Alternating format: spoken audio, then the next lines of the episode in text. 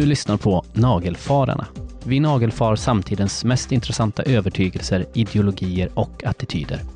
I det här avsnittet undersöker vi konspirationsteorier med lite extra fokus på Corona 5G-konspirationen och Flat Earth-rörelsen. Och vad säger psykologisk och sociologisk forskning om varför människor tror på sånt här? Och hur det kommer sig att det finns människor idag som på fullt allvar tror att jorden är platt? Eh, jag tänkte börja med en liten presentation bara av oss, för att det var ju något som man inte fick i vårt första avsnitt. Några lyssnare kommenterade att det kan ju vara kul att få veta någonting om de som pratar, så jag börjar med mig då. Jag heter David Westerberg och jag har bakgrund i religionsbeteendevetenskap kan man säga, från Göteborgs universitet. Och sen har jag jobbat de senaste åren med ett, eh, som föreläsare på ett eh, utbildningsföretag som jag också varit med och startat och drivit. Och just för tillfället så är jag student igen. Jag studerar nu eh, sociologi för att ta en examen där. Det får räcka så, så länge. Och med mig har jag Marcus Nilsson. Ja, eh, jag har också en bakgrund inom religionsvetenskap och har eh, pluggat även filosofi på Göteborgs universitet. Eh, jobbar på Sensus studieförbund. Sen eh, håller jag också på och föreläser och utbildar. Mm.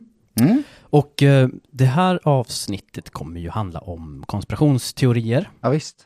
En enkel definition är ju övertygelser om att det finns en grupp aktörer eller en grupp, en hemlig grupp som samverkar för att då uppnå specifika mål då som oftast är ja, ondskefulla. En teori om att då, ska man säga, ofta människor i makt samarbetar i det dolda framförallt.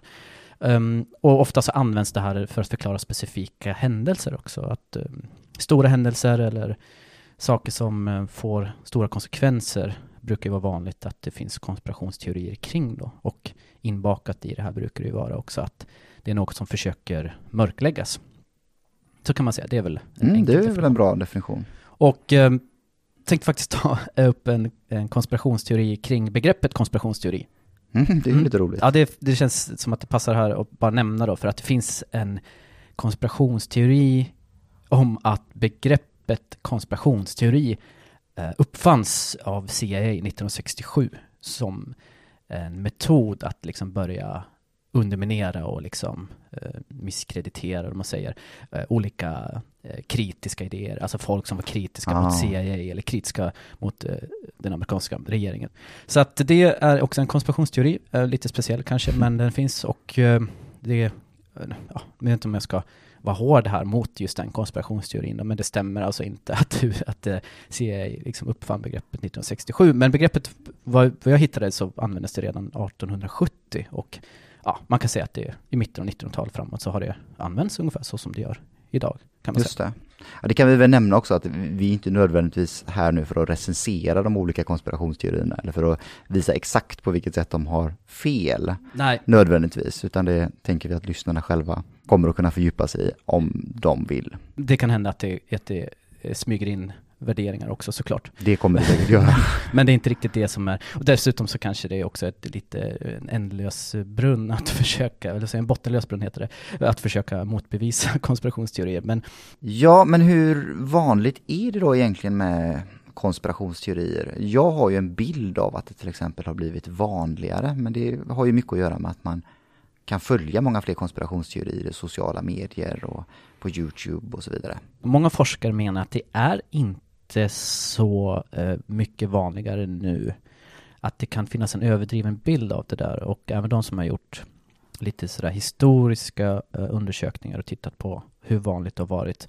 Så, så min uppfattning är, de flesta menar att det ändå är relativt stabilt Mm. faktiskt, men att det kan finnas eh, möjligtvis kopplingar till eh, när samhällen antingen går igenom en slags kris eller när det finns mycket osäkerhet. Ja, som Ja. vi ser i vår tid nu kanske då. Som vi ser i vår tid nu. Men många trycker på att det, det, man ska vara försiktig med det där att hoppa på liksom att nej men det, det är liksom vi lever i konspirationstider nu och sådär. Men man kan ju också, det jag skulle vilja säga snarare är att om man tittar på undersökningar hur pass många som tror på olika konspirationsteorier så, så kan man ju se att det är ju ganska utbrett. Även om de exakta siffrorna kan ju variera så ser man att mönstret är att det är väldigt många som tror på olika typer av konspirationsteorier. Till exempel, jag ska bara nämna något exempel här från en eh, undersökning från eh, YouGov eh, 2019. Så ser man till exempel hur många tror du, jag tänkte fråga dig nu, får gissa här. Mm. Ja, vad roligt. Hur många procent av, det här är gjort i USA, hur många procent i den här undersökningen eh, tror att eh, mordet på JFK, John F Kennedy, inte var bara Lee Harvey Oswald, att han inte var ensam utan att det fanns en konspiration bakom där. Hur många tror på den konspirationen? Alltså den kan jag tänka mig är ganska utbredd. Mm. Den känns inte liksom helt orimlig i mina öron. Nej. Eh, ja, men 50 procent? Ja, det var ju rätt. Jaha, okej. Det är, eh, det, jag kan säga så här, den här undersökningen var det 47 procent. Jag har sett andra som har pratat om att den har varit sedan väldigt länge, alltså strax efter händelsen, så har det varit i princip eh, någonstans strax över eller strax under 50 procent under väldigt lång tid. Ja, ganska konstant alltså. Ja, och eh, att eh, det finns ju en, en, den här militärbasen i USA, Area 51, Mm. eh, som då är någon typ av hemlig militärbas. Hur många tror du i USA tror att, eh, frågan var ställd så här då, regeringen, the government, eh, gömmer aliens i den här militärbasen, Area 51. Hur många trodde det? Spontant tänker jag att det är färre då, Mm. eh, jämfört med JFK. Kanske Mm. 30 procent? Ja, det var rätt igen. Jaha. Ja. Ja, det, det är inte att jag läser dina anteckningar Nej, det, det, det hoppas jag. Men eh, det, var liksom naturbegåvning för. Ja, bra, bra känsla Ja. för det här.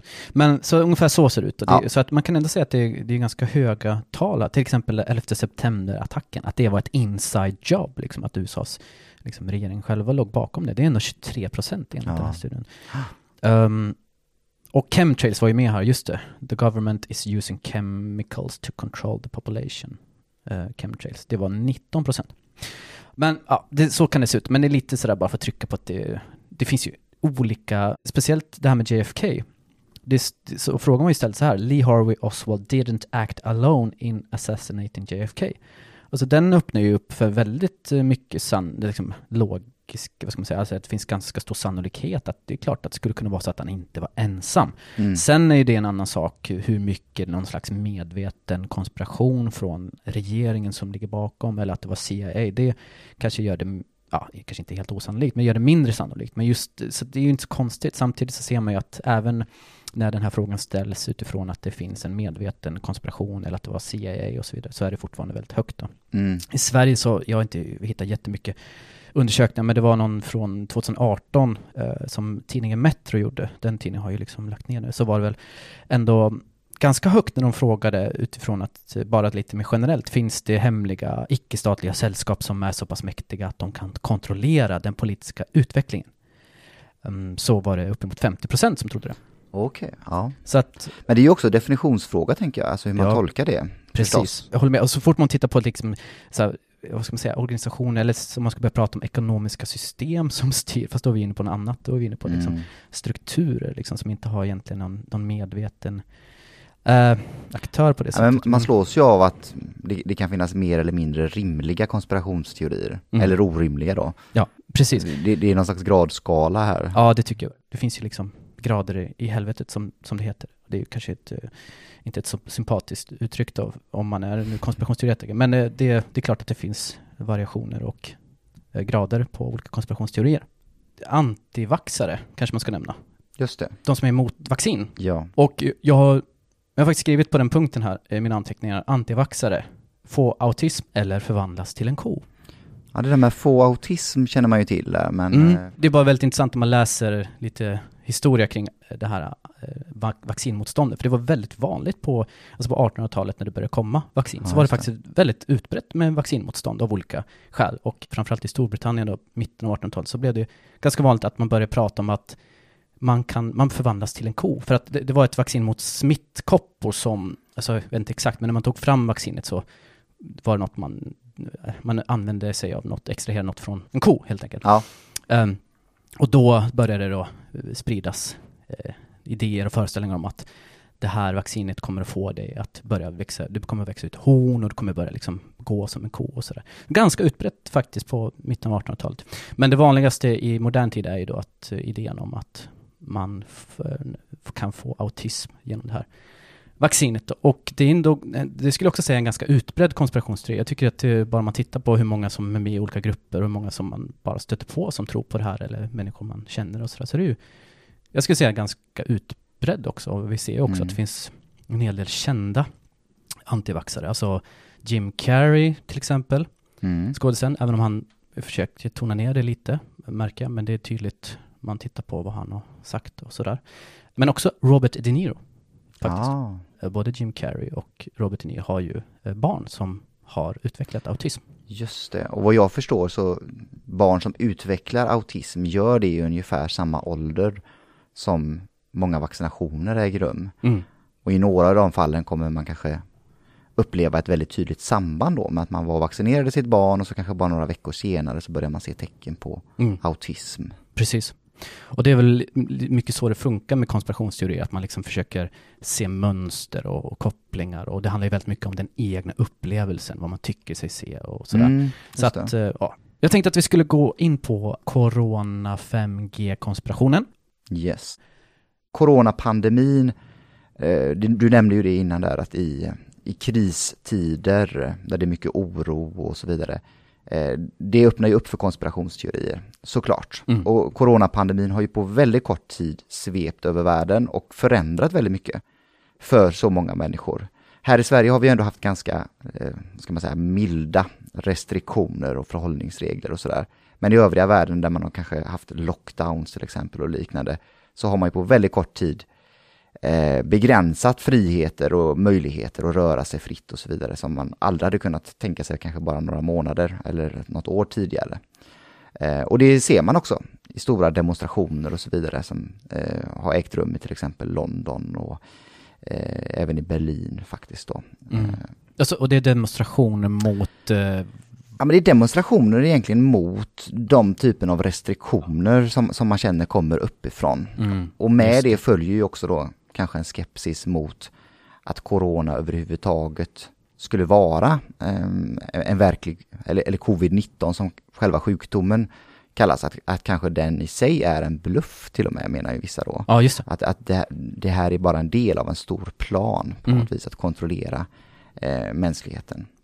Eh, ja, så även här har vi en gradskala och ganska många olika slags teorier som Mm. egentligen motsäger varandra då. Mm. Eh, Jag tänkte bara att eh, jag såg en undersökning i, i Storbritannien där man hade ja, Mm. tittat på hur många som tror det. Det var 60 procent av den här undersökningen, eh, i den här undersökningen av vuxna som trodde att regeringen vilseleder allmänheten om orsaken till viruset. just det. Och, s- och den är ju på ett sätt mildare än nästa, den som, den här idén om att corona är, alltså viruset är en bluff helt enkelt. Ja. Så det var 20 procent, det är ändå ganska högt kan man tycka. 20 procent trodde alltså att eh, corona, eh, viruset bara är en bluff. Just det. Men, men, Ja. och även 40 procent trodde att spridningen av viruset till viss del är, en med, är ett medvetet försök från mäktiga människor att få kontroll. 40 procent trodde på det. Ja, ja, men man, man ser ju här, här verkligen att det är ett betydande antal faktiskt som tar, tar till sig de här teorierna. Mm.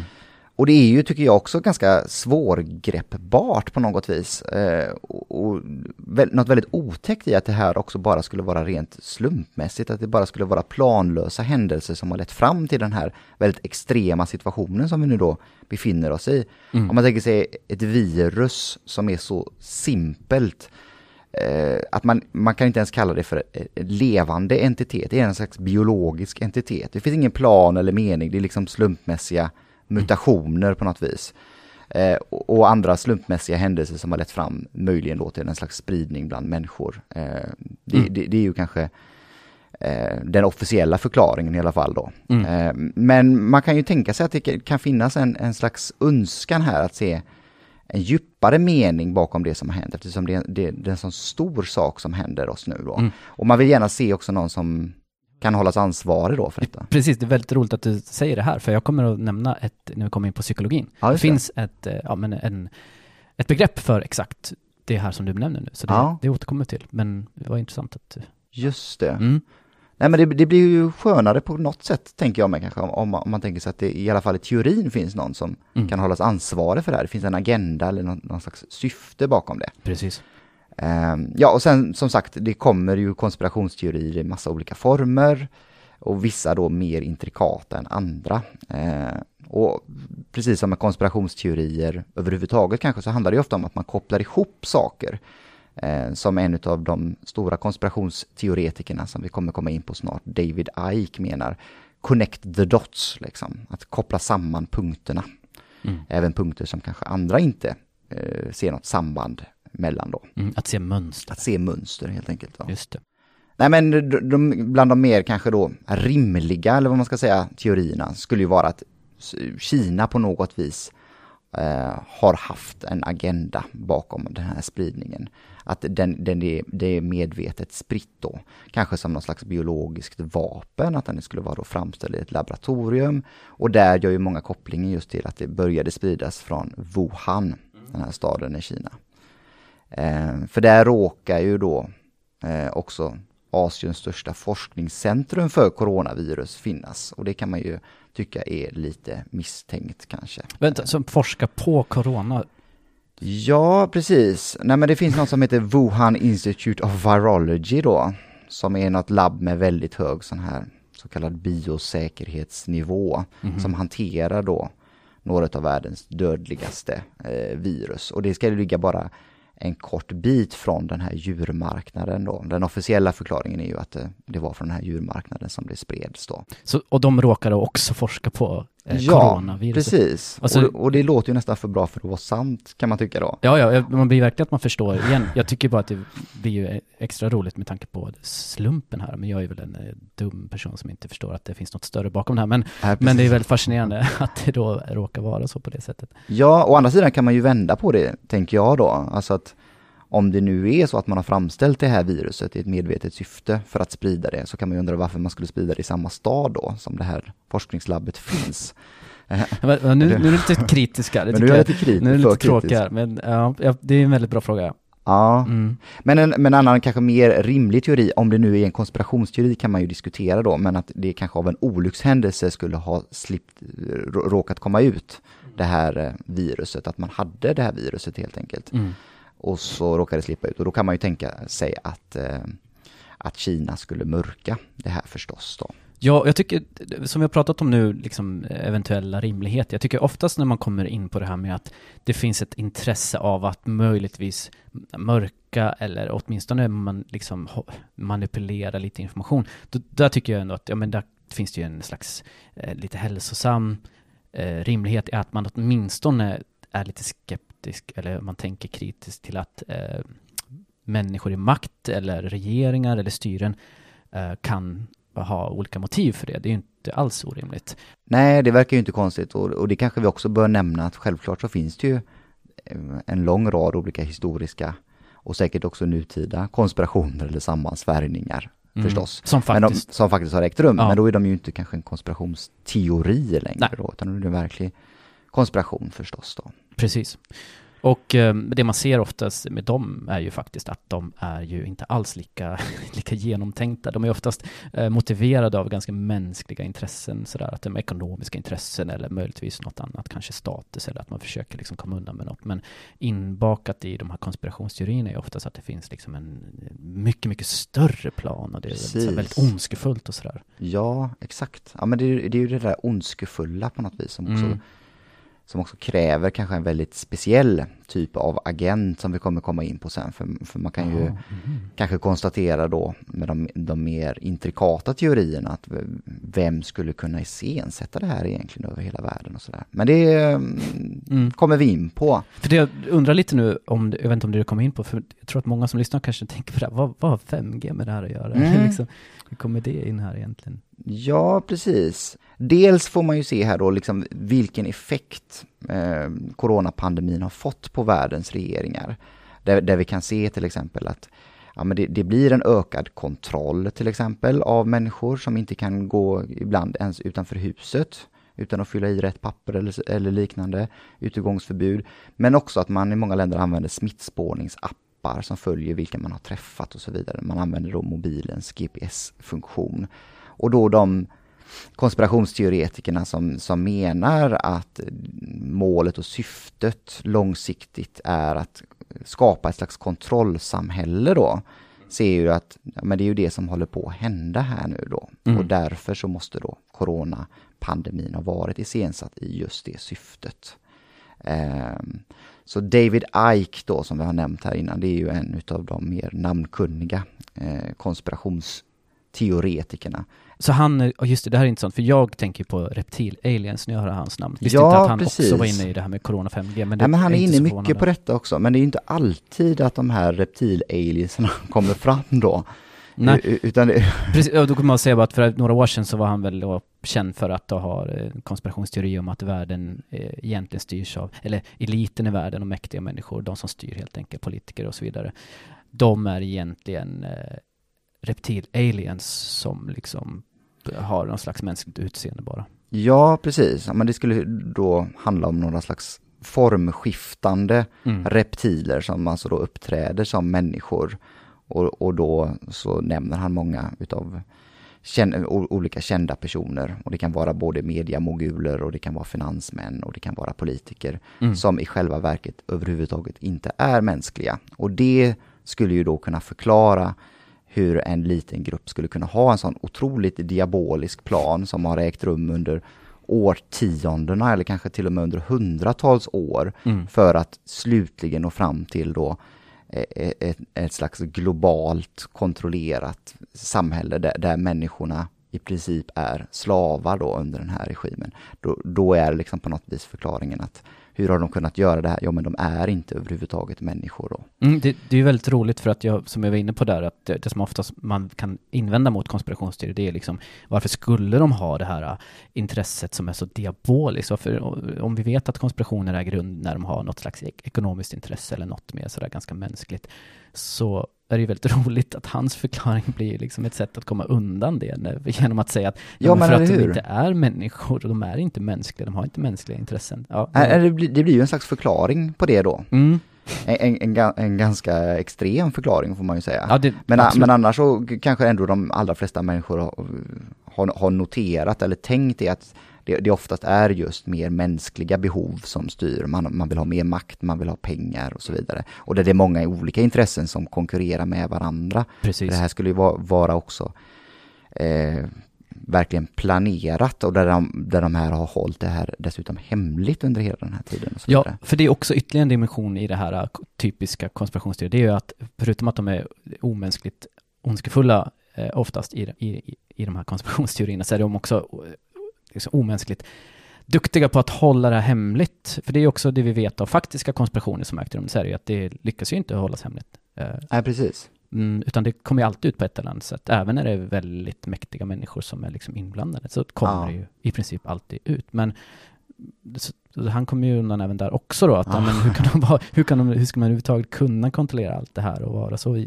Ja. genomtänkt och veta exakt vad det ska få för, för konsekvenser så att man kan räkna nästa steg och nästa steg. Precis. Till skillnad från de faktiska konspirationer vi vet när människor liksom är ganska dåliga på att eh, hålla det hemligt så kommer han ju undan även där då. Ja, ja, visst. Sen så anpassar ju David Ike, vad jag har förstått, då, sitt budskap väldigt mycket efter vilken publik han har och vad han tror kommer att gå hem. Så han kan, kan ju också kalla det för enprocenten, the one percenters jaha. till exempel och sådär. Anknyta till andra mer etablerade begrepp sådär. För det, precis, för det är det jag undrar, pratar han om eh, reptil-aliens nu också? Eller nu pratar han om corona och 5G alltså? Ja, alltså på, på ehm, när, det, när det gäller den, ehm, det samtalet som jag kollade på senast med David Ike då, som faktiskt var på en sån svensk eh, konspirationskanal på YouTube, så nämner han inte eh, reptilerna till exempel då. Nej. Nej, men För, att det, för det måste ju också lite sådär stöta bort en del eh, potentiella följare eller skrämma bort människor. eh, Ja, det kan man väl tänka sig. Men, men som sagt, han, han försöker ju ändå skapa något slags sammanhängande system eller teori där han binder samman också alla de här olika teorierna. Mhm. Och där kanske vi kan komma in på det här med 5G då, Mm. som kan vara en egen konspirationsteori också. Men, men då, då har vi över världen nu då utbyggnaden av eh, det nya mobilnätet 5G Mm. som möjliggör mycket högre hastigheter än 4G. Ja, inget konstigt där egentligen då, men det är klart, när, när, när man ser skillnaden mot det vi har nu så är det otroligt mycket högre hastigheter och frekvenser och så vidare som det handlar om. Och som alltid med ny teknik så Mm. kan man tänka sig att det, det, det finns en viss skepsis, ibland en sund skepsis också, som vi har kunnat se historiska exempel på. Eh, men sen så är det ju också så att eh, bland annat då Huawei har ju försökt sälja in sin 5G-lösning till olika europeiska länder. Så Kina verkar ju vara i framkant även där då när det gäller 5G. Mm. Och då eh, när detta sker samtidigt som den här pandemin bryter ut, ja men då är det återigen kanske då connect the dots då, hör de här ihop på något vis. Ah, just det, Ja. såklart. Och då finns ju de som menar att ja, men det här 5G orsakar olika typer av sjukdomar eller eh, bryter ner immunförsvaret och så vidare. Så vissa anser då, eh, verkar det som, att eh, det här viruset finns kanske inte överhuvudtaget utan det är bara egentligen 5G som orsakar de här symptomen som man sedan då skyller på virus. Mm. Medan en annan teori är att ja, men viruset finns, eh, men det är 5G som underlättar då för viruset att spridas. Okej, och sen finns det väl också, skulle man kunna säga att det finns många som tror att 5G är farligt, men man tror inte att eh, det har någonting med corona att göra. Nej, precis. För det tycker jag mig se, alltså det, är väl, det känns som en ganska mainstream variant av den här konspirationsteorin, om vi tar bara själva 5G-delen, liksom att man tror att det är farligt, för det är, alltså det är förvånansvärt många som verkar tro det och om man tittar på liksom folk som är med i Facebookgrupper och aktiva skriver så är det otroligt många som, eh, som köper det här, vanliga, vanliga människor, skulle man kunna säga, vanliga Svensson hit och dit, som, Ja, visst. som, som verkligen tror att, eh, och som du var inne på, visst det kan ju finnas en aspekt av det här rädsla för det nya och sådär. Men det är ju också förvånande hur många som då bara inte köper den officiella förklaringen som är att det är inte farligt. Och man har gjort tester, man har gjort en test för ganska nyligen bara på grund av den här konspirationsteorin, eller den här rädslan för det. Och visat Mm. att nej men det är, inte, det är inte farligt. Men så pass många verkar ju ändå eh, liksom lockas till det här att nej men Visst. 5G är farligt. Och det är väl den kanske mildare formen då, Ja. kan man väl säga, av den här konspirationen. Där man kan tänka sig att det, det kan finnas intresse Mm. att, att undanhålla vissa obekväma faktum, att det kanske visst har viss effekt på hälsan eller liknande då, för att man vill kabla ut det här då, för att det finns ekonomiska intressen och så vidare. Mm. Men eh, David Icke till exempel, han går ju mycket längre, givetvis så. Mm. Men man kan se det här med 5G också att, att det har gått från att man kanske diskuterar och pratar om det här på nätet och, och man för fram sina olika teorier och man tycker och tänker massa saker till att det faktiskt är regelrätta attentat som har skett då, där man har bränt ner 5G-master och så vidare. Mm, det såg jag Så- rapporteras om både i, i Storbritannien och det har säkert skett i alla länder, men jag såg ju verkligen eh, Ja, för särskilt och i Storbritannien tror jag. Och i Sverige, det har ju skett i Sverige också. just det. Eh, har jag sett. Och jag måste bara säga att jag har sett på, eh, på de här grupperna att när de har diskuterat så har jag sett många som he- hetsar ganska mycket. Någon som vet vart det finns master. eh, och så här, någon, nu måste göra något och de delar den här, de här nyhetsartiklarna som, som rapporterade om bränder. Så här, Ja. vad bra, härligt att någon gör något. Såg jag för ett tag sedan. Sen nu senast när jag gick in och tittade, då såg jag att de tvingats tysta ner det lite grann. Okej. Administratörer i Facebookgruppen skriver så här, man såg eh, kommentarer som är borttagna. Ah, Och så skriver administratören, ja det är bra att ni anmäler för vi kan inte, vi kan inte ha olagliga ah, eh, uppmaning till att folk ska bete sig olagligt här i gruppen. Eh, det. så att det, det är ju ett exempel på att konspirationsteorier kan få konsekvenser. Det finns Ja, ja, mycket värre-exempel också såklart, men det finns också eh, mildare varianter där man, man kanske bara tror, jag kan ta en, en mild variant här angående 5G. Mm. Jag såg att eh, i gruppen som heter Massaktion Stoppa 5G nu, Mm. Som- Hade ni och mig också? ja jag såg att du var med där, um, där hade de då en massvisualisation, alltså just en, en aktion. Mm. De skulle träffas då på, eh, de skulle träffas och visualisera att em, ja, 5G avslöjas var det ganska mycket. Mm. Den är ju ganska fin på något sätt att de träffas och Väldigt fredligt. så. väldigt fredligt Ja. mediterar, det står hur man ska göra, slappna av och så vidare. Sen ska du Mm. visualisera det att eh, eh, liksom det blir en mediastorm som sveper och avslöjar då att 5G är farligt och hela världen, och man ska visualisera sig, hela världen och alla eh, går samman för att liksom ta hand om varandra och eh, Där finns de där Ja. lite andliga undertonerna Ja också, men verkligen. Och eh, sen kan ju, folk kan väl vara, tycka att det här är dumt ändå såklart, men det är ju ändå ganska, ganska mysig variant eh, till skillnad från de som hetsar lite mer och så här med, med eh, olagliga våldsamma metoder att tända eld på, på, på de här masterna och så vidare. Ja, precis. Ja, nej men sen kan man ju också fundera på då hur, hur hänger de här olika grejerna ihop då? Om man, om man nu som David Icke tänker sig den här stora konspirationen, att det är en led i att fullständigt kontrollera mänskligheten. Va- va- Varför ska man orsaka massa sjukdomar och vad, vad, ja, vad syftar det till? Ja, men då kopplar han också ihop det här med vaccinationer. Så där kommer då antivax eh, eh, teorin in i det hela också. Mm. För att det kan vi också se som ett resultat av det här att man försöker framställa ett vaccin Och att det kommer på något vis äga rum massvaccinationer av hela befolkningar. Och, och där kommer ju den här idén in eh, om att i det här vaccinet så skulle det då också finnas någon slags mikrochip eller kanske snarare något ännu mindre förstås då, jag vet inte hur man skulle få in det här mikrochippet i, i vaccinsprutan, men, mm. men någon slags nanoteknik eller nanobottar då, alltså någon väldigt, ja, någon, någon slags teknik som man knappt visste att den hade uppfunnits än då. Ja, precis. Men, Om man invänder där, ja men hur ska det gå till? Det finns inte sån teknik. Då är det hela tiden det anspråket, ja men du vet ju inte vad det Nej. finns för teknik egentligen och så vidare. Det är hela tiden det här, det vi inte vet, där har vi förklaringen liksom. Nej, precis. Och då skulle ju också 5G eh, bli, bli en del av den här planen då, för att, för att det möjliggör ju en, en ännu ökad möjlighet att kontrollera och spåra mm. eh, alla människor som har de här chippen eller de här, den här nanotekniken i sig sen då efter den här mm. vaccinationen. Men sen menar han också att det finns någonting i eh, själva det här medlet som man sprutar in i kroppen då, som han menar kommer att förändra själva DNA i oss. Så han menar att människor då kommer att bli både sterila och så småningom könlösa. Och så småningom kommer då inte några nya människor födas överhuvudtaget på naturlig väg längre utan snarare odlas fram mm. i laboratorium som någon slags Könlös? Ja, som någon slags könlös slavras då. Så, så det är en otroligt mm. Mm. stor teori det här då. Mm. Yeah. Så han, han, det är ett bra exempel på hur man då kopplar ihop flera olika konspirationsteorier till, till ja, ja. en stor teori då.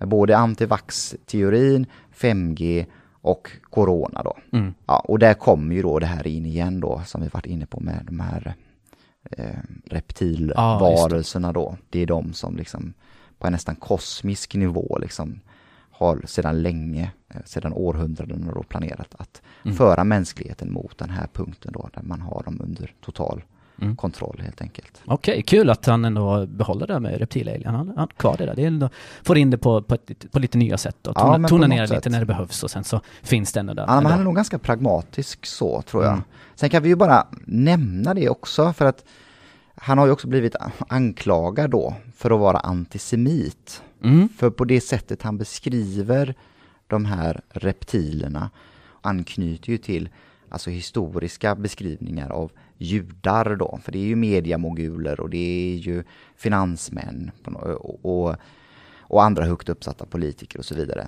Och att man då i Lundom träffas bland annat genomför olika typer av perversa satanistiska ritualer. Mm. Man uh, utsätter uh, barn för sexuella övergrepp.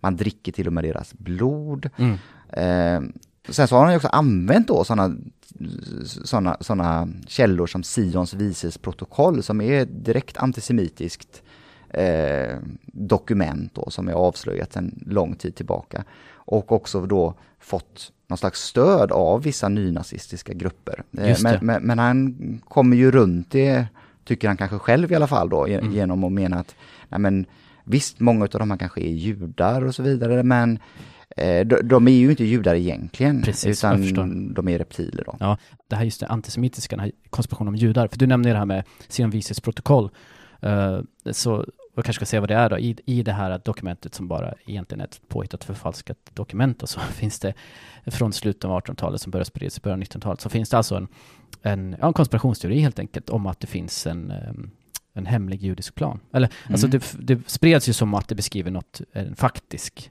eh, plan, judisk plan då. För att uppnå global dominans. Då. Men det som är intressant och tragiskt framförallt för djur, det är ju att konspiration om judar har ju funnits så sjukt länge. Det har, mm. Tittar man historiskt så ser man att redan tidigt, i liksom, alltså tidig kristendom så börjar det komma konspirationsteorier om att judar kidnappar kristna barn och genomför rituella mord genom att dränera deras blod och dricker blodet och använder det i liksom... Just det, blodet kommer in där också. Ja, och använder det i liksom okulta och satanistiska, att de egentligen är liksom mm. satt tillbedjan av Satan och så vidare. Och det var ju ganska utbrett och på även medeltiden så var det ganska utbrett med de här konspirationerna om att judar har liksom ett intresse av att liksom, ja, de, de kidnappar kristna barn och gör det här och sen så fanns det också till exempel när digerdöden kom, den här svarta pesten, så då var det väldigt mycket förklaringar som var att ja, men det är judar som har då, eh, de har förgiftat de här kristna dricksbrunnarna. Det är därför det. den här svarta pesten sprids. Och Mm. det här angående konsekvenser då. Det här gick så långt så att när eh, den här svarta pesten liksom drog över Europa så var det i, på 1300-talet i, i Strasbourg eh, så fick man liksom panik innan eh, svarta pesten kom. Och eh, då fick eh, alltså lokalbefolkningen, de i förebyggande syfte då, så tänkte de att nej men vi måste ta eh, saken i egen händer. Så de eh, brände ihjäl hela Mm. stadens judar. Även om de här myndigheterna i staden försökte förhindra dem så, så gick det inte att få folket i schack. Så de, ungefär 900 judar brändes ihjäl shit. på grund av att de tänkte att men det, vi måste hindra den här svarta pesten. Och Mm. ja, sen givetvis kom svarta pesten ändå och Mm. tusentals dog givetvis. Men där har vi då ett exempel på konspirationsteorier eh, som får konsekvenser. Ja, och, och det kan, kan ju också ge eh, en, en liten förklaring till varför man tar konspirationsteorier idag också på så stort allvar. Ja. Och som vi kommer komma in på, Mm. också försöker begränsa Mm. dem på olika sätt. Mm. I sociala medier och så vidare. För vi- vi, vi kan se historiskt eh, vilka fruktansvärda konsekvenser de har Mm. fått. Precis. Då vore det ju Mm. spännande att höra mer om en annan konspirationsteori Mm. som kanske är minst lika flippad men handlar om något helt annat, alltså Ja. Flat Earth tänker jag. Precis, Flat Earth-rörelsen. Alltså på engelska brukar man ju kalla dem som följer den här rörelsen eller som har de här idéerna för Flat Earthers, så att eh, på svenska så kan man ju använda plattjordare. Mm. Alltså, och det finns ju i Sverige också, vi kommer komma in på det, både du och jag har ju varit faktiskt med i en svensk eh, Facebookgrupp som heter Flat Earth Sweden, plattjord. En svensk grupp som är, alltså vem som helst får ju gå med och sådär och det är nog väldigt många som är med. Jag tror, den har 3000 medlemmar just nu, jag tror Ja. väldigt många av dem är ju människor som kanske bara är nyfikna. Sådär. Man Men- kan hoppas kanske. Precis, men det är ändå en hel del där som är väldigt aktiva, väldigt övertygade. Så vad- varför säga, vad är egentligen Flat Earth? då? Det är ju grupper eller individer kan man säga som avfärdar det här äh, globjorden, alltså den vetenskapligt etablerade officiella teorin om att jorden är rund, och när jag säger rund menar jag glob. Nej just det, för, För det att- brukar de ju påpeka ibland att eh, vi tror ju fortfarande att jorden är rund för att Just det är det. liksom en, en platt, rund jord. Platt, Som, platt som en tallrik ungefär. då. precis, en diskformad. Så Mm. man kan beskriva det ungefär som att på ett sätt så är ju angående olika, ja, som man ska kalla för extrem eller inte, den kanske inte är extrem i just liksom våldsbejakande uppmaningar, men den är ju väldigt extrem i hur mycket som man måste avfärda för att eh, acceptera då idén om att jorden är platt och att allt som har att göra med att jorden är rund är liksom lögner eller liksom ja, förfalskningar alltså, och att det finns ett eh, intresse i det. Så att eh, man kan beskriva det ungefär som att det är ju människor som genom då en väldigt stor konspirationsteori eller genom ganska man säga, starka anspråk på, för, det, för att det här ska funka så måste ju väldigt, väldigt många vara antingen inblandade eller bara i blindo eh, liksom fortsätta upprätthålla idén om att jorden är eh, en glob då. Så att, eh, och alla de här källorna, så man måste ju, först och främst måste man ju avfärda NASA, eh, Ja. och inte bara NASA givetvis, andra eh, rymdinstitutioner från andra länder, som, som också alla de har samarbete med varandra. Just det. Men hur som helst, de avfärdar alla de här bevisen. Men det är intressant tycker jag också att man måste avfärda väldigt mycket mer. Alltså inte bara andra rymdinstitutioner som typ japanska JAXA heter den, som, som då har egna satelliter som tar jätte, jätte fina bilder på, jätteskarpa bilder på jorden. Då. Men, och andra liksom rysk och så vidare. Och att månlandningen är fake, det är ju liksom, alltså det är ju vardagsmat så att säga för den här chemtrails, det är liksom Mm. självklart. Alltså allt det här finns liksom inbakat. Men det ser där. man återigen där då hur andra konspirationsteorier kopplas ihop där med den här. Definitivt. Mm. Och, det här, och för Flat Earth så tror jag liksom alla de där konspirationsteorierna tror man på, men att den ultimata för, liksom konspirationen enligt dem, det är ju liksom sanningen om jordens form. Mm. Så att vad, då, då uppstår ju frågan, eh, som man märker när man pratar om det här, de flesta reagerar ju på att ehm, Ja, varför är det viktigt överhuvudtaget? Eller va- varför skulle de ha något intresse av just det, tänker jag, med precis, att dölja jordens form? För det känns inte som att... det är precis, vad ska man få ut av det? det ja, precis. Vad får man ut av det? Och speciellt när, när man börjar tänka att okej, men vadå, hur funkar det då? Den första frågan är liksom, vadå, man kan ju flyga runt. Och då förklarar de, nej men det som man gör när man flyger runt, det är att man flyger bara i cirklar. Mm. För att beskriva då de- deras, eh, deras, visualis- deras syn på jorden då är det, hur de visualiserar sig det här då. Det är att eh, jorden är, om man tänker sig att man ser eh, Nordpolen i mitten så ser man liksom världs delarna eh, runt omkring Nordpolen. Mm. Och det, det, det här är precis så som FNs logga ser ut. Det Just det. finns ju en sån eh, karteprojektion som det kallas som har eh, gjort på det sättet. Och det, det påminner väldigt mycket om eh, vad de här Flat Earth-rörelsen har för bild av hur jorden egentligen är. Det vill säga, Mm. och vad hamnar då eh, Antarktis, Sydpolen? Jo, det hamnar ju som en stor, stor, stor ring som går runt hela då den här disken. Längst, längst, längst ut. Och då uppstår det givetvis en massa frågor, men oj, det måste ju vara otroligt stor skillnad då på avstånden Mm. med, med liksom Antarktis då, utifrån globmodellen så är det Sydpolen helt enkelt. Det är en centrerad punkt och även de här äh, världsdelarna hamnar ju väldigt, väldigt långt ifrån Ja, varandra. ja, visst. De södra spetsarna hamnar ju extremt långt ifrån varandra. Och då kan man, ja men skulle inte folk märka det och sådär? Men då, då är det mycket så, ja men det är folk som flyger kanske egentligen flyger olika snabbt och hit och dit. Nej, men jag tycker att man märker det, alltså, vid, vid första anseende så känns det som att eh, det, det borde gå ganska lätt att sticka hål i den här teorin. Men man märker Man tro det. ändå det. tycker jag, när man är inne och försöker diskutera att Jaha, nej men då, då fanns det någon, någon annan parameter som jag inte hade tagit med, eller då finns något annat svar på det. Det finns svar på allt. folk som är väldigt inne på den här teorin är också nördigt pålästa om en massa saker som man själv inte är insatt i. Ja, det Eh, är så, sant. så man behöver vara lite på fötterna ändå faktiskt, eh, även när det gäller en sån här teori. Det är sant. Speciellt till exempel med att de avfärdar ju, alltså alla bilder från NASA och så vidare, det är bara fake, det är Mm. liksom data, även där kan vi känna att det här med teknik där, men vänta, hur skulle det vara möjligt? Ska folk sitta och producera det här hela tiden? Och med Mm. tanke på att vi har ju direkt tillgång till eh, liksom En livestream. livestream från eh, Ja. rymdstationen ISS då, Ja. internationella rymdstationen. Men det är också, nej, men det är också någon typ av computer generated och så, här. och då kan man tänka, Mm. men hur skulle det ens vara möjligt med tekniken? Och då kommer det här, ja men det finns ju givetvis mer avancerad teknik än vad vi tror. Men Ja. för att återkomma till det här, man avfärdar allt det och om förklaringen att nej, men egentligen så flyger du bara runt, runt och egentligen så flyger du dit fast du inte tror det. Då till slut blir ju frågan, men det här påverkar inte mig alls. Nej. Och som du var inne på, som är den, den naturliga frågan, det är ju varför skulle man ljuga om det här? Mm. Och då kan man ju tro att det, det kan inte finnas något bra svar på det. Då har jag tagit fram ett exempel på hur de brukar svara. Mm. Och det är exemplet av en, en bild, eller en meme helt enkelt, alltså en bild med text. Men så här svarar de, Eh, eller så här ser den memen ut, och det här är en vanlig meme inom Flat, flat Earth-rörelser som jag också hittade på den här svenska gruppen. Och då står det så här då. Why would they lie about the shape of the earth? Och så står det så här. I don't know, maybe to... Punkt, punkt, punkt. Och så kommer det punkter här. Hide free energy, hide the creator, hide your spirituality, hide more land, den är viktig. Mm. Hide more resources. Hide scientific knowledge. Alltså vad de anser vara riktig scientific knowledge. Uh, hide what's in Antarctica. Mm. Ja, så vidare. Så hide that... Just den här är bra. Sista. här. Hide that you are at the center of the universe. Hide that you are special. Just Och det. då ser vi också Mm. lite hur vissa sådana konspirationsteorier bakar in saker som har att göra med det mer existentiella och även psykologiska liksom, känslor och behov och liksom att vara Mm. speciell till skillnad från att vara bara meningslös.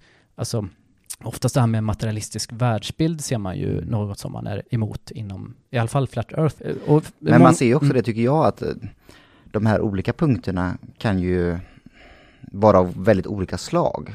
För, för det är ju något ganska konkret att ja, det skulle kunna finnas landmassor bortom Antarktis då, till Mm. exempel, som man döljer. Man dö- döljer naturtillgångar och så vidare. Ja. Men det här med att man döljer Gud, ja, då är det plötsligt en religiös världsbild och kanske en kristen världsbild till och med som man utgår ifrån. Och det känns ju som att när man är på det här forumet så märker man att det finns både de som har en kristen världsbild och sen så finns det de som tror någonting annat. Men de enas kring i alla fall det här med att jorden inte är rund då. Mm. Det viktigaste är ju att få, om man, om man tittar på den här memen som du har här, alltså Mm. att få med folk på spåret och så blir det ju lite grann att ja, men du kanske kan hitta någon punkt där i alla fall då, Ja, som pre- verkar rimlig. Jag glömde säga vad som står sist på den här Ja. memen. Det står ju 'Take your pick' står det. Alltså det, det är som så här, det är bara att välja och vraka. Och då undrar man lite så här, jaha, varför då? Är alla viktiga eller ingen? Men det är lite typiskt för hur konspirationsteorier funkar liksom. Det behöver inte hänga ihop alltid. Det kan Nej. till och med vara motsägande. Men huvudsaken är att man har den här känslan av att det finns någon typ av lögn, det finns någon Mm. typ av medveten konspiration, det finns Mm. liksom hemliga aktörer och de har intresse av att dölja det ena och det andra. Och så, så börjar man titta på hur det här hänger ihop så kan vi tycka att varför skulle, varför skulle man överhuvudtaget försöka dölja Gud? Mm. Och det har jag funderat på lite, det känns också sådär väldigt lite omänskligt, ondskefullt eller väldigt ologiskt. Om man nu På visste- vilket sätt döljs Gud? Ja, jag vet inte. Man, Och jag, jag undrar Ja. om de menar att de tänker att Gud, att de här då som döljer och de här de som konspirerar helt enkelt, om Mm. de vet att Gud finns, eller, eller att de, om de är ateister och försöker dölja Gud. För att det, man kan ju mer förstå, om man säger att de är ateister Mm. och så försöker de bara dölja Gud, fine. Men om de på Mm. något sätt vet att Gud finns, då känns ju allt meningslöst. Varför ska man överhuvudtaget försöka? Ja, så att eh, men det här är ju också ett bra exempel på hur det, hur det kan låta då, och hur man får in då det här lite mer existentiella i det här. Mm. Och man ser att det är väldigt mycket där idéer om att liksom sätta sig själv och sin egen upplevelse i centrum. Mm. Väldigt mycket det där liksom att vad ser du själv? Vad kan du själv göra för observationer? Mm. Ja. Ja, när det gäller Flat Earth så kanske man inte kan se att det nödvändigtvis skulle leda till en massa attentat eller våldsamheter på något vis. Men däremot med Corona och 5G då har vi ju sett det hur Mm. 5G-master har attackerats och förstörts. Men också då kanske att eh, det finns en risk här när det gäller Corona att folk inte följer de här rekommendationerna för att man helt enkelt tror att Corona är en bluff till exempel. Då. Mm. Eh, Så där kan man ju se ganska tydligt hur man försöker att begränsa inflytandet då av konspirationsteorier på sociala medier till exempel. Och det är ju någonting som vi behöver säga några ord om. Alltså bland annat Flat Earth har ju liksom varit en diskussion Mm. i det här, när man har pratat om, mest för att det är sån, sån inte vetenskapsförnekelse i det på något sätt. Så att eh, det finns även med där att när YouTube och Facebook har, de har ju fått mycket press på sig, att hur ska ni, vad ska ni göra för att liksom begränsa det här materialet? Eller liksom nu sprids alla de här konspirationsteorierna på YouTube och Facebook. Och då har ju de liksom börjat eh, sätta in lite olika begränsningar, till exempel på YouTube, att det kommer upp faktarutor som säger det här är inte Mm. det finns inget stöd för det här eller liksom även på Facebook så finns det, jag såg något filmklipp på någon 5G konspirationssida där de delade en film men liksom filmen, innan man trycker på play så kommer det upp som en ruta ovanpå det som står då Ja, falsk, också. ja, falsk information, det här inlägget upprepar information om covid-19 som oberoende faktagranskare säger är falskt. Mm. Och så kan man klicka på se varför, men man kan också klicka på se video. Men det är ju bra i alla fall kan jag tycka då att man kan i alla fall se den här videon. Vissa har ju plockats bort helt och hållet då. Som Mm. David Ike som jag då ville undersöka inför den här podden till exempel. Men är det bra att de här sprids då? Eller ska de bara förbjudas? Ja, men det är ju, det är ju en, en svår fråga, tänker jag. Mm. En avvägning. Mm. Eh, men det finns ju helt klart något problematiskt i när ett privat företag får möjlighet att på ett så väldigt tydligt sätt begränsa Mm. information och begränsa folks möjlighet att delta i eh, och kommunicera med andra genom eh, till exempel Facebook och Youtube då, för det är ju de två stora vi pratar om här. Mm. Och där kan man se då till exempel att David Ike, hans sid, både hans Facebook-sida och hans YouTube-kanal, de är ju bara borttagna helt och hållet. Just Och anledningen till att jag lyckades hitta en video med honom här nu då var ju genom att en svensk konspirationssida hade låtit bli att skriva ut David Ike i rubriken och beskrivningen så att han har liksom gått Mhm. igenom Mm. censuren då, eller vad man ska säga. Mm. Eh, Då blir det diskussion om yttrande, lite yttrandefrihetsdiskussioner liksom även om man har, tycker Ja. att det här är liksom falsk information eller kanske till och med problematisk, antisemitisk kanske till och med. mm. Så blir frågan om, eh, säg att det inte är hets mot folkgrupp då, för det finns ju den lagen i Sverige, men Mm, så länge det precis. inte är det då, ska det få finnas då eller liksom vad, vad ska man dra gränsen för här? Även om man då själv tycker att det är kanske fullständigt eh, idiotiskt eller Mm. liksom omoraliskt, så blir ju, det blir klart att det blir på den nivån. Nej men det finns ju en, en gränsdragningsproblematik i detta då. Alltså vad, precis som du säger, var drar vi gränsen? Mm. Och det kan ju vara ganska lätt kanske att hitta den allra mest extrema konspirationsteoretikern då.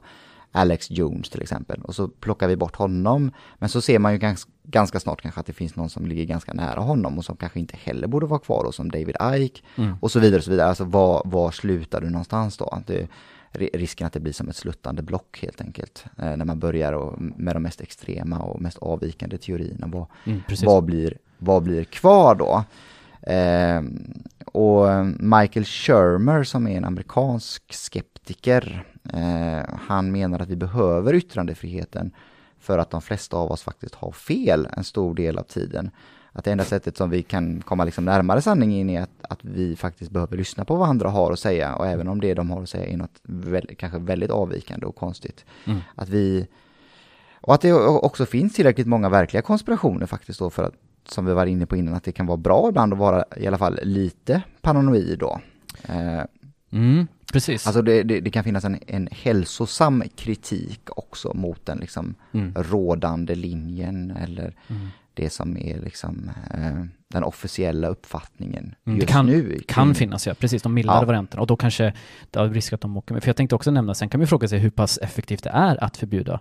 Eh, vad får det för konsekvenser för de här konspirationsrörelserna när man börjar begränsa? För att jag såg att Ja, för det måste ju verkligen eh, ge dem vatten på sin kvarn kan Ja. man tänka sig. det finns en, jag såg att en eh, forskare på konspirationsmentalitet kan man säga, Alex Olshansky heter han.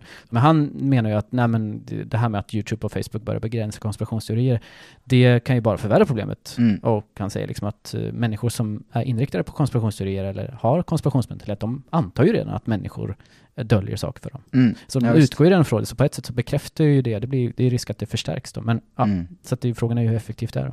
Ja, precis. Varför tror människor på konspirationsteorier? Ja. Varför David, varför? Varför? Forskning och förklaring. Jag tänkte bara nämna några saker från psykologiska förklaringar. Eh, det finns en ehm, eh, forskare som heter Robert Brotherton som har eh, gjort mycket studier på det här och har skrivit en bok som heter Suspicious Minds som hänvisar till andra, annan forskning också och egna studier.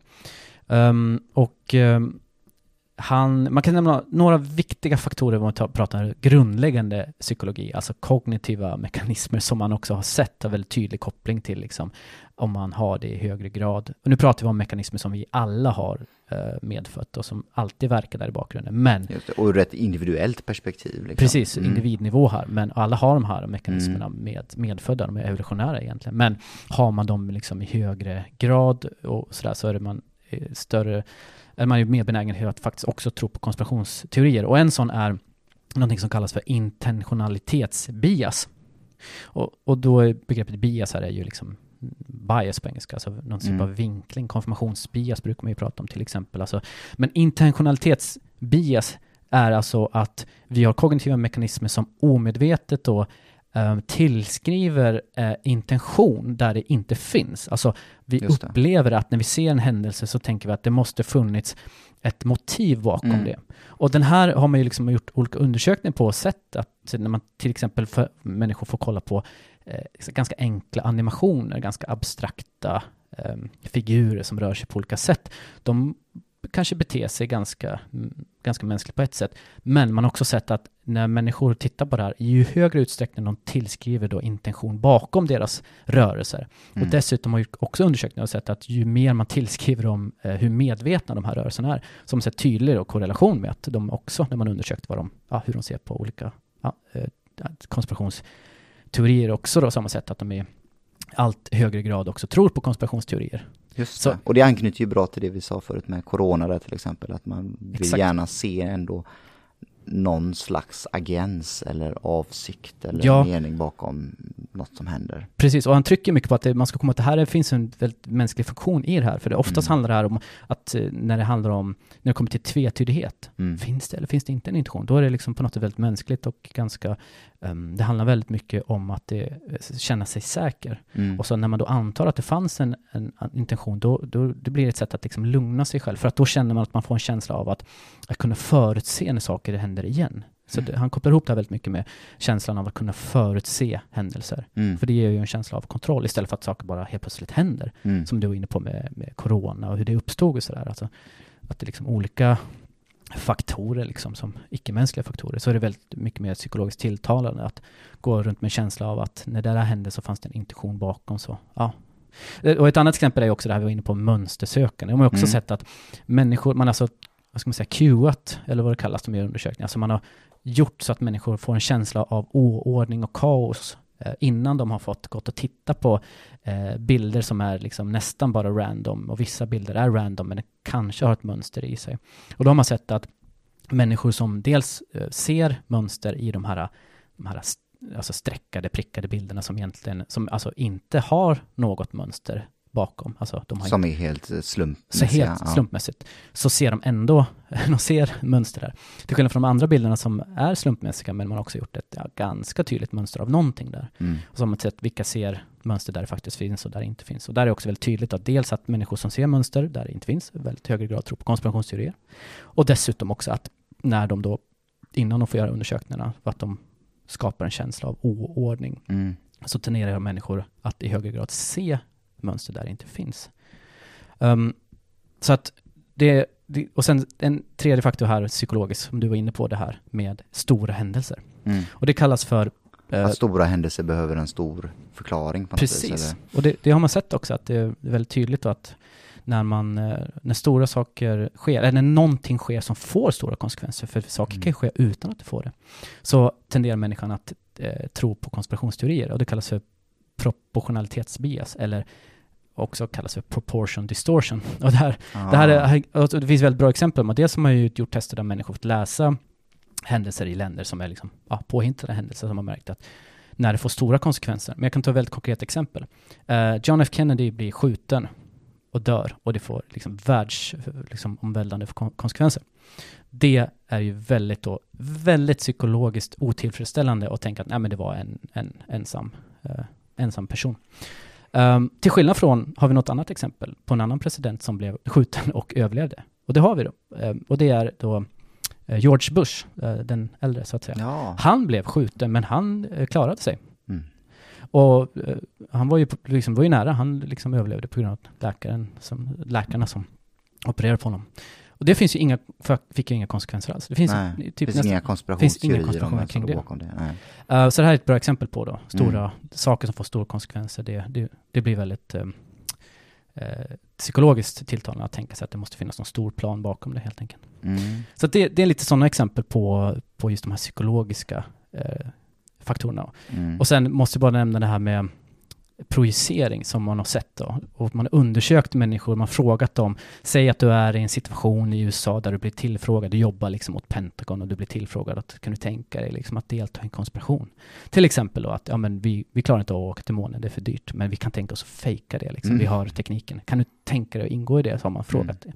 Och det är intressant att ja, de flesta tycker att det är omoraliskt och inte kan tänka sig det, men de som i högre grad kunde tänka sig att delta, de tenderade också att i högre Mm. tro på konspirationsteorier. Det är ju jätteintressant. Det tycker jag är superintressant. Och det här förklaras mycket med det här som vi varit inne på, med alltså misstro och cynism och eh, brist på tillit till institutioner och, och uh, vetenskap. Ja, men det är klart, om man, om man nu själv känner att jag skulle kunna varit med, eller vara med på en konspiration, Mm. då blir det ju mer rimligt att tänka sig att andra redan har konspirationer också då. Mm, precis. Medan om man tycker att nej, absolut inte, varför skulle jag göra det? Mm. Så blir det svårare att förstå varför någon skulle göra det. Det, är det, de, det finns ju Mm. också mycket studier som visar på att folk som tror på konspirationsteorier har, konspirationsteorier har ju väldigt, väldigt låg tillit till, till myndigheter och institutioner på olika sätt. Och då förklarar de ju också det här med att den här uh, projiceringen här då, det är att li- lite som du sa fast omvänt då, att alltså Mm. man runt med den här känslan att världen ändå är full av lögnare och manipulerande individer och grupper som kontrollerar och så vidare. Går man runt med det och de här grupperna i hemlighet styr för egen vinning, så varför skulle man inte delta? Nej. Det vore ju nästan dumt. ja, Så det kommer in i den här känslan att vara smart liksom. Ja. Och det är väldigt tydligt här. För det där med att vara smart är ju någonting som jag har tänkt på att i de här grupperna när man följer dem med Flat Earth och så vidare så, så är, skapar man ju också en, en väldigt stark känsla av gemenskap och att det är vi som är så pass smarta här på något vis att vi har förstått någonting som nästan ingen annan har, eh, har tänkt på. Precis. Att jorden nu egentligen är platt Mm. till exempel då, eller att vi har sett de här sambanden mellan 5G och Mm. eh, corona eller vad det nu kan vara för någonting då. Mm. Eh, Vilket jag tänker också skapar en slags känsla av utvaldhet. Att vi, vi är en liten elit på något vis i den bemärkelsen att vi har genomskådat någonting Ja. som nästan ingen annan har gjort. Och det tänker jag, det- det måste vara en ganska Mm. härlig känsla på något vis. Mm. Särskilt om man själv kanske inte har så stor makt och inflytande i övrigt. Och det, exakt det här du säger nu, det är, finns det väldigt mycket stöd för. Och som jag nämnde där finns det mycket studier som visar också på inte bara tillit, utan konspirationsteorier ökar när man eh, i mån om, alltså korrelerar med att människor har en stark känsla av att de inte har någon socioekonomisk kontroll eller någon socioekonomiskt liksom, inflytande, antingen på politiken eller över sin egen situation.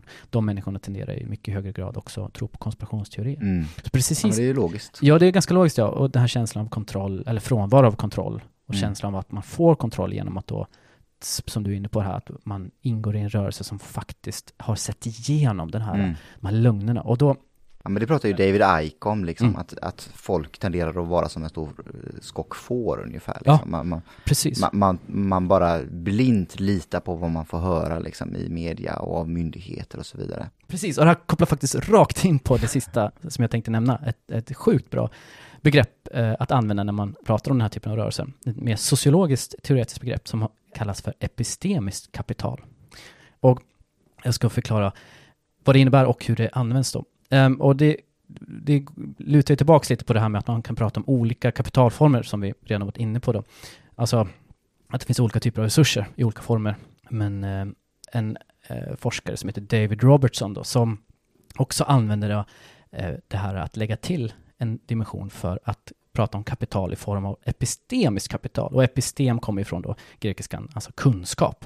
Så eh, det handlar alltså om någon form av kunskapskapital. Det handlar alltså om vad, inte, inte bara vad man vet, utan hur man vet det man vet. Det vill säga varifrån får man sina kunskaper? Hur skapas kunskapen? Och då finns det ju givetvis i vårt samhälle etablerade eh, liksom epistemiska strategier, alltså den vetenskapliga eller vad det nu kan vara. Men då kan man prata om kontraepistemiskt kapital. Alltså om epistemiskt kapital är det som då bildas i samhället um, och upprätthålls av olika institutioner och sådär, så kan man se hur det uppstår inom konspirationsrörelse kontraepistemiska strategier, det vill säga att hänvisa till det ena och det andra YouTube-klippet som liksom på något sätt gör anspråk på ja, någonting om att jorden är platt eller har gjort egna observationer och sånt som inte erkänns av då mer etablerad vetenskap och så vidare. Och det här blir alltså ett sätt att skapa sitt, skapa sitt eget epistemiska kapital, alltså skapa sin, sitt egna kunskapsvärde skulle man kunna säga. Och i en sån här konspirationsrörelse som till exempel plattjordar, i deras världsbild då, så blir det här också att, att ha den här alternativa eh, kunskapsformen då, alltså det här som går emot den etablerade kunskapen, den här kontraepistemiska eh, strategin, det blir liksom en identitet då, alltså kontraepistemisk identitet. Och det här, är, nu kommer vi precis eh, in på det som du sa, det här med att, att bli eh, speciell. Alltså, och då blir det liksom en slags motelit. Mm. Och känslan av att då åtminstone inte vara lurad. Ett, eh, och ett, jag såg på Flat Earth eh, Sweden och där man hade en, en bild på den här månlandaren och så står det så här då. If you're ever having a bad day and you aren't feeling very smart remember most of your family and friends believe that this trash can land on the moon. Ja, just Eh, Förlåt, det står så här, trash can. Ja. this, believe this trash can land on the moon. Ja, Och, och igen, det är bara en bild på månlandaren. Mm. Kan man, ja, men hur, hur skulle det annars ha sett ja men det kan man ju förstå, det tilltalande det här och känna att Ja, eh, okej, jag kanske inte har någon eh, akademisk utbildning och Mm. vad det nu kan vara. mm. Men jag går i alla fall inte på den här grejen. ja. Och, d- och att bara genom att säga det så Mm. gör man ju anspråk på att jag är inte manipulerad, jag är Nej. inte hjärntvättad, jag är inte radiostyrd. Precis. Men jag såg en eh, aktiv medlem i Flat Earth-gruppen skrev liksom så här att ja, men det, deras intresse är att få total kontroll. Eh, De vill mani- manipulera våra sinnen och göra oss radiostyrda. Mm. Och här ser man ju hur allt hänger ihop då. Mm. Det finns kanske en känsla av att man inte har någon riktig kontroll över sin situation. Man har liksom ingen socioekonomisk eh, kontroll över sina utfall eller påverka politiken. Och så har man inga kapitalformer heller. Och då blir känslan av att jag är åtminstone inte kontrollerad. Så att det här epistemiska identiteten då, som, alltså en kontraepistemisk identitet, där man bygger upp sina egna kapitalformer Mm. inom rörelsen. Då, och där kan man också få auktoritet på det sättet. Och genom det då så, eh, så blir det en, helt enkelt en, en motelit kan man säga. Mm. Och här finns det faktiskt ett, ett eh, väldigt opopulistiskt drag eh, hos konspirationsrörelser. Alltså, å ena sidan, om man menar med populism då, eh, och åtminstone om man tittar på hur forskare definierar populism då, så brukar det vara att man har idén om att det finns en, en det finns vanligt folk, en ganska homogen grupp vanligt folk, och så finns det då en, en omoralisk elit då, och att man gör en skarp diskussion däremellan. Och det finns ju uppenbara, uppenbara eh, drag eh, såklart i konspirationsrörelser, att man har en idé om en omoralisk elit i allra högsta grad. Men det som är väldigt opopulistiskt då, det är att man försöker skilja sig från vanligt folk. Och istället så har man idén om någon slags epistemiskt utval, det vill säga att, att man konstruerar sig själv som en tredje gemenskap. Alltså om populism handlar om att ha två grupper, det finns folk och det finns omoralisk elit. Så i konspirationsrörelser så har man då urskilt en tredje gemenskap. Varken de här kontrollerade massorna eller den här omoraliska eliten som kontrollerar, utan en utvald liten minoritet som då definieras utifrån sin exklusiva kunskap, alltså en, eh, de epistemiskt utvalda som David Robertson poängterar. Då. Så det här kan man ju också återkoppla då till ett sätt att försöka ta kontroll över sin tillvaro, som vi har sett då forskningsvis, att när man tror på, i högre grad tror på konspirationsteorier så handlar det väldigt ofta om att man inte har speciellt mycket kontroll över sin tillvaro, bland annat. Då.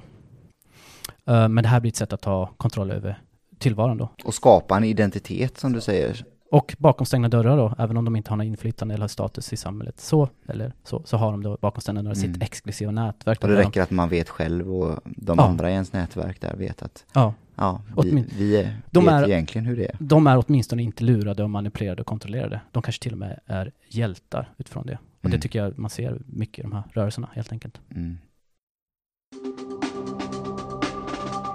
Du har lyssnat på Nagelfararna, idag med Marcus Nilsson och mig, David Westerberg. Producent för podden är Elinor Wilson. Omslagsbilden är gjord av Andreas Brown. Har du frågor eller synpunkter så får du gärna mejla oss på nagelfararna.gmail.com. Och om du vill läsa mer om det vi har pratat om idag så finns det en lista på lite källor i avsnittsbeskrivningen. För uppdateringar om nya avsnitt följ oss gärna på sociala medier där vi heter Nagelfararna.